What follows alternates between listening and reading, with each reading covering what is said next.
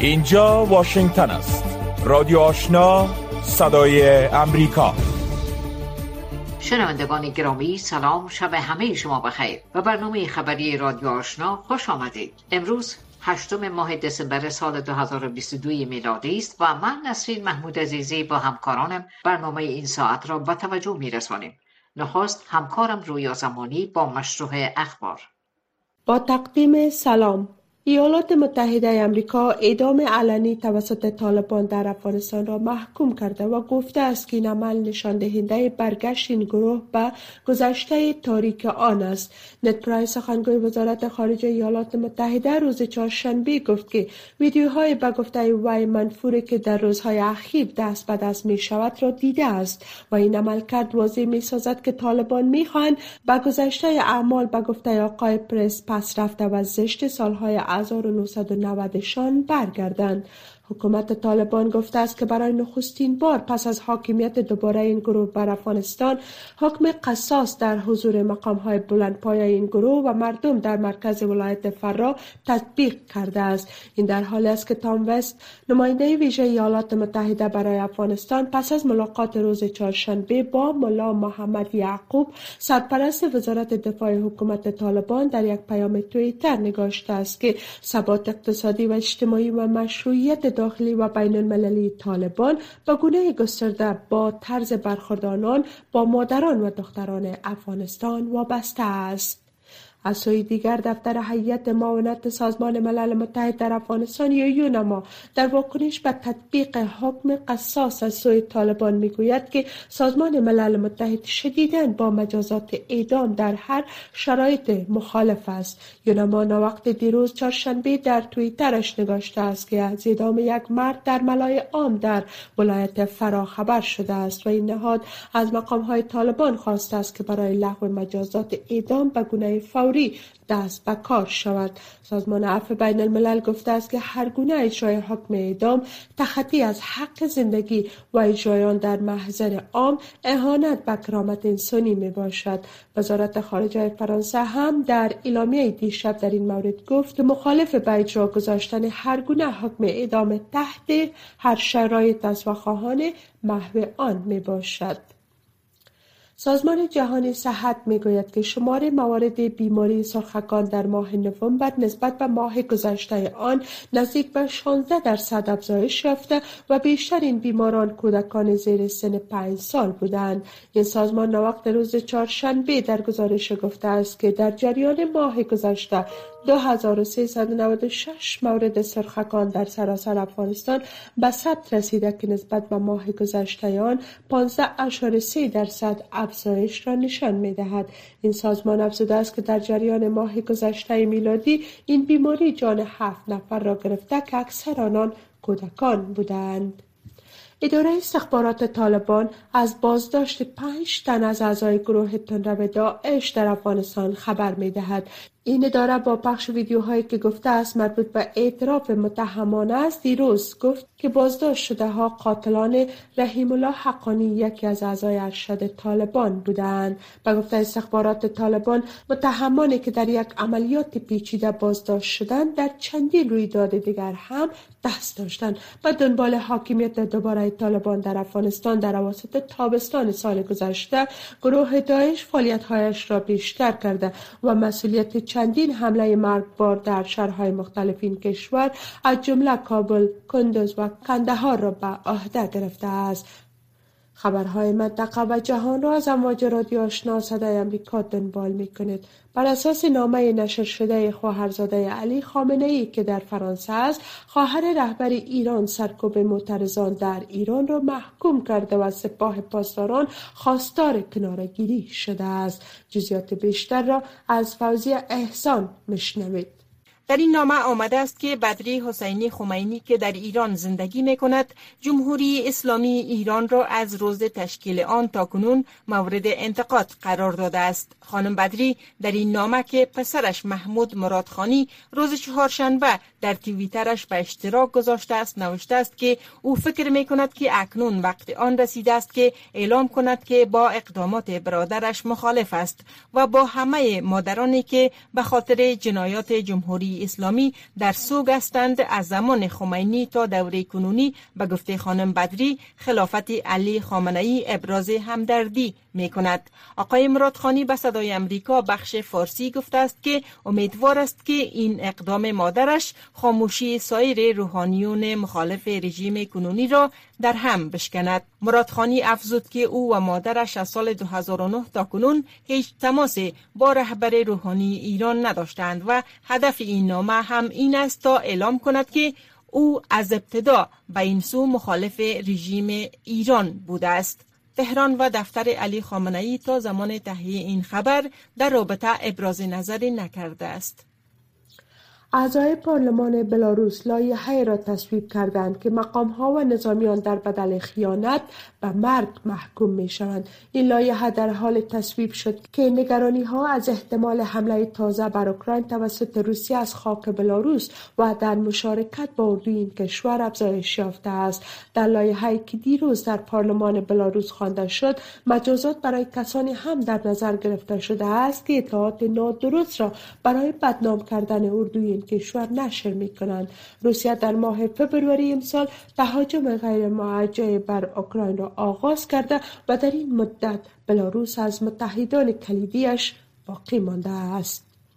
ولادیمیر پوتین رئیس جمهور روسیه گفته است که جنگ اوکراین برای مدت طولانی ادامه خواهد داشت و افزود که تنش‌های هسته‌ای نیز به دلیل این جنگ به میان آمده است. شار بیشتر را از قدیر مشرف میشنوید. ولادیمیر پوتین در جریان سخنرانی روز چهارشنبه هیچ اشاره به ترک این جنگ نکرد. این در حالی است که نیروهایش به حملات راکتی بر اوکراین ادامه می‌دهند. او در نشست شورای حقوق بشر کرملین گفت که مسکو تحت هیچ شرایط نخست از سلاح استایی کار نخواهد گرفت. با آن هم این اظهارات پوتین در غرب نگرانی های را به وجود آورده که آیا جنگ اوکراین تا زمان ادامه خواهد یافت که در نهایت تشدید شده و در آن از سلاح اتمی استفاده شود. نت پرایس سخنگوی وزارت خارجه ایالات متحده های مبهم در مورد تسلیحات هسته‌ای را تقبیح کرد. و افزود که هر گونه صحبت مبهم و مجهول در مورد تسلیحات هسته‌ای قطعا به گفته وی غیر مسئولانه است. روسیه پس از گذشت نه ماه نتوانسته در اوکراین به اهداف نظامی خود دست یابد. اما پوتین گفته است که سرزمین های اشغال شده اوکراین نتیجه برجسته تهاجم نظامی این کشور است. ولادیمیر زلنسکی رئیس جمهور اوکراین که به دلیل دفاع از آزادی من حیث شخصیت سال مجله تایمز شناخته شده گفته است که حملات اخیر روسیه در یک قریه در منطقه دونتسک سبب مرگ شش نفر شده است. از سوی هم رئیس جمهور روسیه تعهد کرد که جلب و جذب بیشتری برای جنگ اوکراین صورت نخواهد گرفت. او افزود که از میان 300 هزار جنگجو 150 هزار آن در ساحات عملیاتی به شمول 77 هزار واحد جنگی حضور دارد. این در حال است که مقامات غربی می‌گویند که نیروهای روسی در جریان درگیری های اخیر تلفات جانی و خسارات تسلیحاتی را متحمل شدند محمد ابن سلمان ولیعهد عربستان سعودی امروز پنجشنبه در حال از شی جینگ پینگ رئیس جمهور چین استقبال کرد که آقای شی از دوره جدید در روابط کشورش با جهان عرب خبر داده است. این سفر نشان دهنده تعمیق روابط چین با ریاض با وجود نگرانی های ایالات متحده صورت می‌گیرد. استقبال رئیس جمهور چین برعکس خوشامدیدی بود که با آن در ماه جولای با جو بایدن رئیس جمهور ایالات متحده صورت گرفت. روابط واشنگتن با ریاض بعد از تغییر در سیاست انرژی عربستان سعودی و قتل جمال خاشقچی در سال 2018 تحت شهاب قرار گرفته است. ایالات متحده آمریکا که از نزدیک فعالیت های چین و روابطش با ریاض را دنبال می کند می گوید که این دیدار نمونه از تلاش های چین برای اعمال نفوذش در سراسر جهان است و سیاست ایالات متحده در قبال شرق میانه تغییر نخواهد کرد. یک جنگجوی اسلامگرایی که به ساخت مواد منفجره مورد استفاده در بمبگذاری های سال 2002 بالی محکوم شده بود پس از گذراندن حدود نیم از دوران محکومیتش که 20 سال زندان است آزاد گردید. در این بمبگذاری 202 تن کشته شده بود. این آزادی مشروط با وجود اعتراض شدید استرالیا صورت گرفته است که در آن 88 شهروند استرالیایی از بین رفته است. حسام ابن علی زین که با نام مستعاره عمر پتک نیز شناخته می شود که یکی از اعضای برجسته شبکه جمعه اسلامیه مرتبط با القاعده بود. این گروه در بمبگذاری های دو کلوب شبانه در ساحل کوتا در 12 اکتبر 2002 متهم شناخته شد. مقامات اندونزیایی می‌گویند که پتک در زندان اصلاح شده و برای اصلاح سایر جنگجویان کمک خواهد کرد. و در سلسله رقابت های جام جهانی فوتبال قطر فردا جمعه در نخستین رقابت دوری یک چهارم تیم های کروشیا برازیل و ارجنتین هالند به مسافه هم خواهند رفت. قبل از برگزاری دوری یک چهارم تیم های صعود کرده به این دور روزهای چهارشنبه و پنجشنبه را استراحت کردند. روز شنبه تیم های مراکش پرتغال و انگلستان فرانسه به مسافه هم می روند. در حالی که جام جهانی پرهاشیه و مملو از انتقادات نهادهای حقوق بشری به خاطر نقص حقوق کارگران مهاجر به مرحله پایان خود نزدیک می شود نتایج رقابت های این جام هنوز هم شگفت آور بوده و همه معادلات و پیشگویی های کارشناسان را در رویارویی تیم ها نادرست ثابت کرده است. شنونده های محترم این بود مشروع خبرها تا این لحظه. از امواج رادیو آشنا صدای امریکا. طالبان نشرات رادیویی صدای امریکا را از داخل افغانستان متوقف کرده اند اما صدای امریکا با تعهد به ارائه خبرهای معتبر موثق و جامعی به شنوندگان خود از این پس نشرات رادیویی خود را به زبانهای دری و پشتو از بیرون افغانستان روی موج متوسط 972 کیلوهرتز پخش می کند. شنوندگان گرامی اخبار افغانستان منطقه و جهان را از رادیو آشنا صدای امریکا شنیدید آن هم توجه نمایید به گزارش هایی که برای شما برگزیده ایم. حکومت ایالات متحده امریکا می‌گوید که طالبان در عملی کردن تعهدات خود ناتوان بودند. وزارت خارجه ایالات متحده با ابراز این مطلب گفته است که تأمین رابط طالبان با واشنگتن و جامعه جهانی و چگونگی رعایت حقوق بشر توسط این گروه بستگی دارد. در این حال تام وست نماینده ویژه ایالات متحده برای افغانستان نیز گفته است که در دیدار اخیر خود با هیئت طالبان از آنان خواست تا به حقوق زنان و دختران به شمول حق تعلیم و کار آنها احترام قائل شوند جزیات بیشتر را از همکار ما سید عزیز و رحمان میشنوید ایالات متحده امریکا می گوید که طالبان نشان داده اند که تا هنوز اراده یا توانایی عمل کردن به تعهدات خود را ندارند. نت پرایس سخنگوی وزارت خارجه ایالات متحده ضمن ابراز این مطلب گفته است که طالبان در نهایت نسبت به عمل کرده خود در برابر مردم افغانستان مسئول خواهند بود. نت پرایس که روز چهارشنبه در یک کنفرانس مطبوعاتی صحبت می‌کرد همچنان افزود که تأمین روابط طالبان با واشنگتن و جامعه جهانی کاملا به طرز برخورد آنان با حقوق بشر بستگی دارد. Any semblance of improved relations, relationship.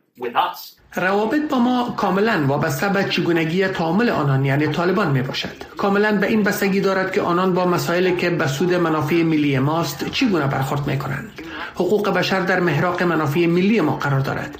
تامین حقوق زنان و دختران مهیا ساختن مسیر خروج از افغانستان مبارزه با دهشت افغانی و توانایی با علاقمندی طالبان برای ایجاد یک حکومتی که از مردم افغانستان نمایندگی کند در محراق منافع ملی ما قرار دارد. پس از گذشت 15 ماه از تسلط دوباره طالبان بر افغانستان حکومت این گروه را هیچ کشور به رسمیت نشناخته است پیش از این زبی الله مجاهد سخنگوی حکومت طالبان مدعی شده بود که ایالات متحده بزرگترین مانع فراراه مشروعیت بین المللی حکومت این گروه می باشد. در عین حال تامس وست نماینده ویژه ایالات متحده برای افغانستان در توییترش دیدار با مولوی محمد یعقوب سرپرست وزارت دفاع طالبان و حامد کرزی رئیس جمهور سابق افغانستان را تایید کرده است. این دیدارها در امارات متحده عربی صورت گرفته و تامس وست گفته است که در ملاقات با هیئت طالبان بر وضعیت روبه و خامت حقوق بشری در افغانستان صحبت کرده است. آقای وست همچنان ثبات اقتصادی و اجتماعی در افغانستان را با طرز برخورد طالبان نسبت داده است. تامس وست افزوده است که وضعیت امنیتی افغانستان تلاش های متداوم طالبان در مقابل داعش اقدام برای بهبود محیط تجارتی و پاسخ جامعه جهانی به بحران بشری جاری در افغانستان از موضوعات مورد بحث او با هیئت طالبان بود همزمان با دیدار تامس وست با طالبان احمد مسعود رهبر جبهه مقاومت ملی می‌گوید که تامین صلح پایدار در افغانستان تنها با این دیدارها تحقق نخواهد یافت. احمد مسعود این سخنان را روز چهارشنبه در یک نشست مجازی که از سوی انستیتیوت هدسون در واشنگتن راه اندازی شده بود ابراز کرد. واشنگتن می تواند نقش کلیدی را در تامین صلح پایدار در افغانستان ایفا کند و این چیز است که ما خواستار آن هستیم. ولی صلح پایدار نمی تواند که تنها با تعامل با طالبان یا امیدوار بودن به تغییر طالبان به دست بیاید و این طرز تفکر وجود داشته باشد که در میان طالبان میان روها و تندروان وجود دارد. در حالی که جامعه جهانی طالبان را به رعایت حقوق بشر به خصوص حقوق زنان و اقلیت ها ترغیب می کند این گروه هر روز محدودیت های تازه را بر حقوق زنان و دختران وضع کرده است. روایت امروز. مصاحبه ها گزارش ها و تحلیل ها در مورد وضعیت کنونی افغانستان و جهان هر شب از ساعت نونیم تا ده شب از امواج رادیو آشنا صدای امریکا 250 معتاد پس از سپری کردن دوره تداوی از شفاخانه هزار بستر ابن سینا مرخص شدند. و گفته مسئولان وزارت صحت حکومت طالبان همکنون بیش از هزار معتاد دیگر در آن مرکز تحت درمان قرار دارند. گزارشی را از احمد زکی میشنوید.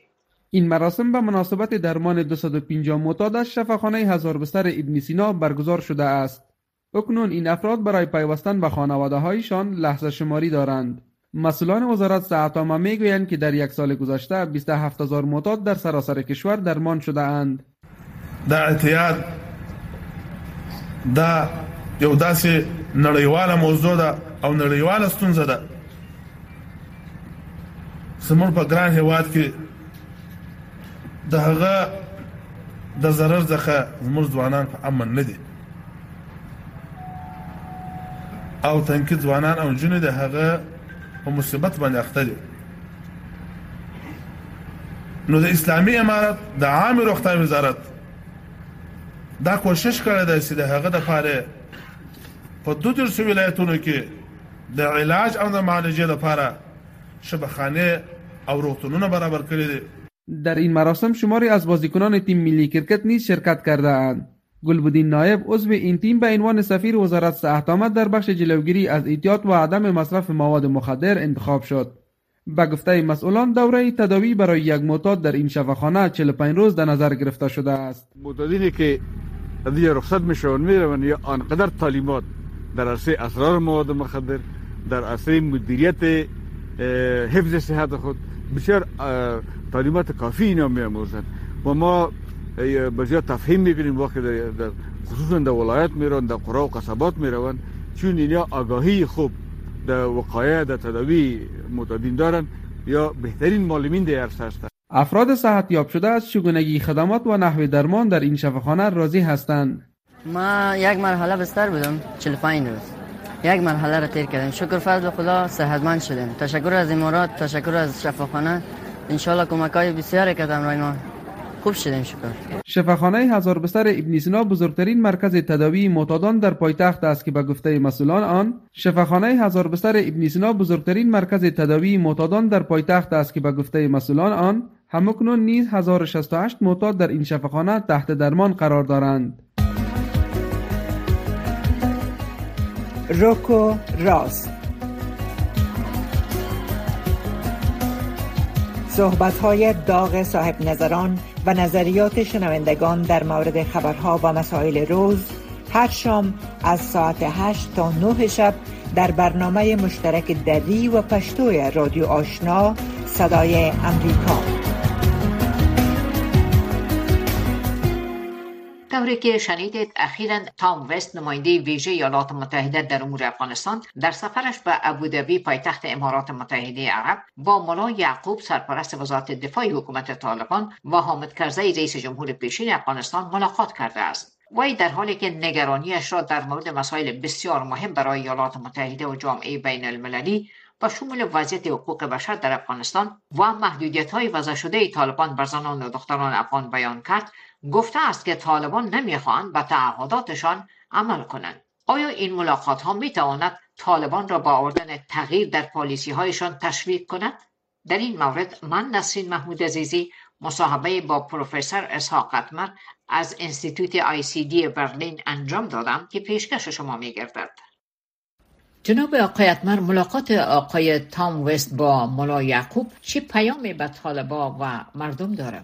جامعه جهانی و مخصوصا امریکا در تا یک سال گذشته منتظر بودن که طالبا گویا با متعوداتی که اینا در توافقنامه دوحه با امریکا را امضا کرده بودند به او پایبند بمانند ولی تا جایی که دیده میشه طالبا او تعهدنامه را عملی نساختن مثلا در قسمت آوردن یک حکومت فراگیر در قسمت حقوق ابتدایی بشری در قسمت حقوق زنا اقلیت ها اینا امو تمام موارد نقص کردن.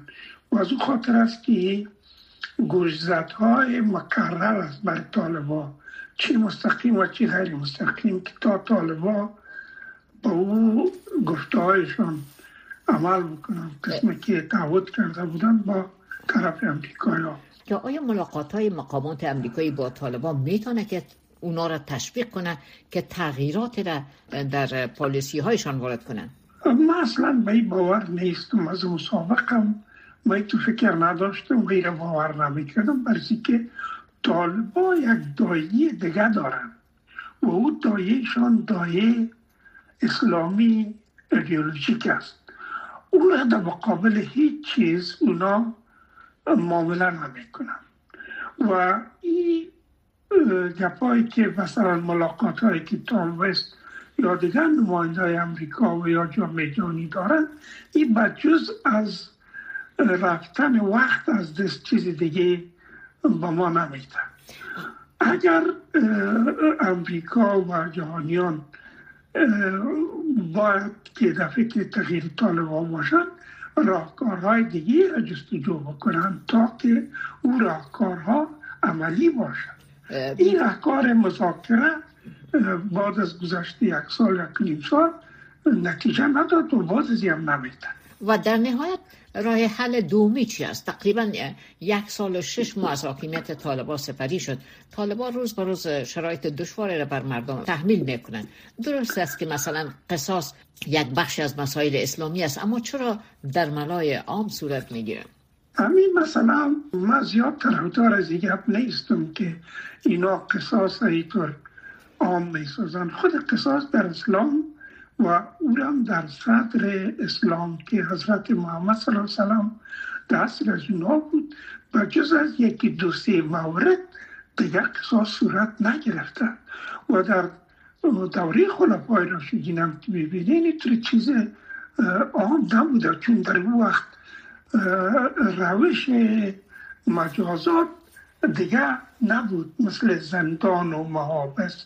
امروز خود زندان ها به خاطر است که تجدید تربیت کنه مردم مردم از نظر فکری اسلام بسازه از نظر اخلاقی اسلام بسازه و تجدید تربیت شوند. اصلا فلسفه قصاص یا حدود تو چیزی نیست شما بگیرید. نصف جامعه را دستش ببرین پاش ببرین و اعدامشان کنید. مفکوره اسلامی و یا شریعت اسلامی چنین نیست.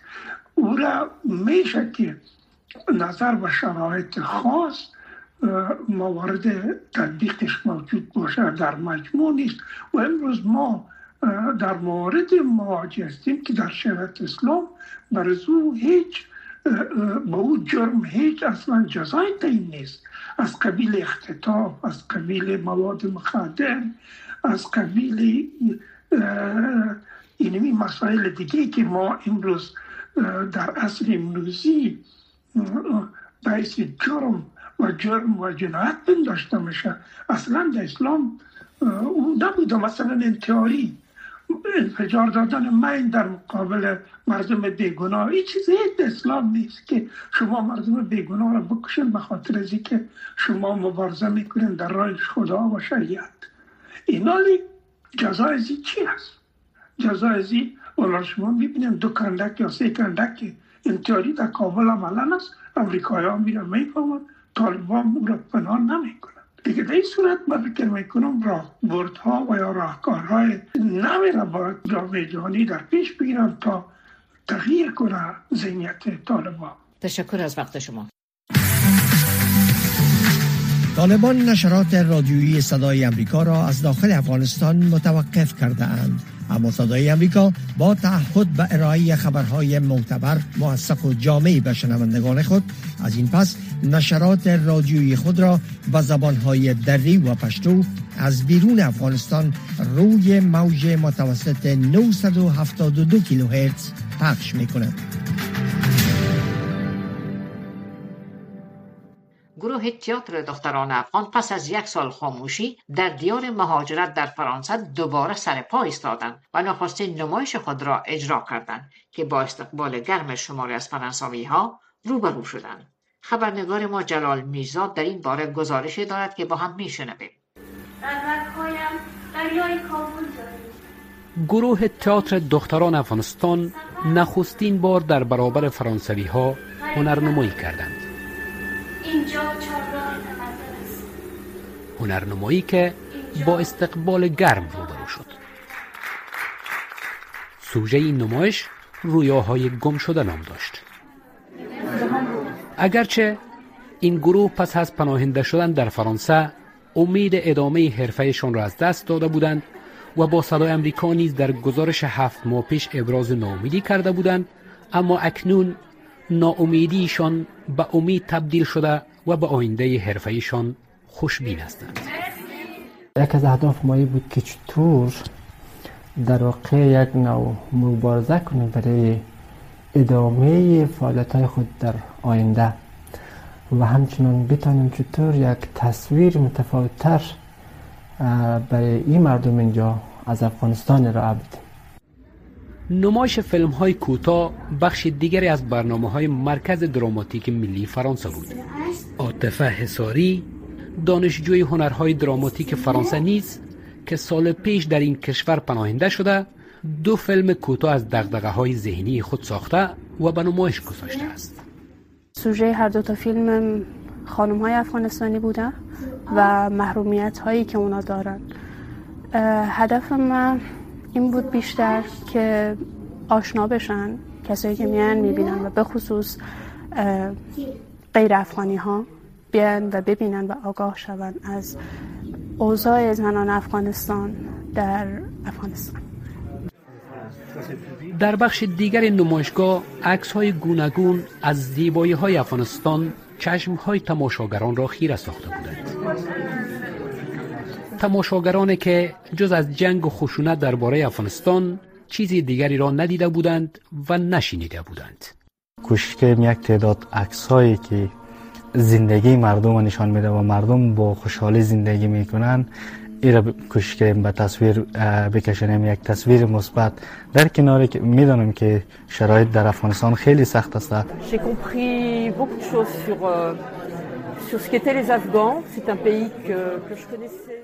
من از اینجا بسیار چیزها فهمیدم. افغانستان یک کشور است که من از راه دور می شناختم بخش نمایش ها دلچسب و جالب و بیانگر منظره های دیدنی بود. و من را واداشت که افغانستان را از نزدیک ببینم. ولی بدبختانه این اتفاق رخ نخواهد داد. افغان ها دارای فرهنگ غنی و مختلف هستند. در کل این برنامه برای ما بسیار جالب بود. این برنامه در مرکز دراماتیک ملی فرانسه در شهر لیون برای چند روز برگزار شد و تماشاچیان بیشماری را به همراه داشت.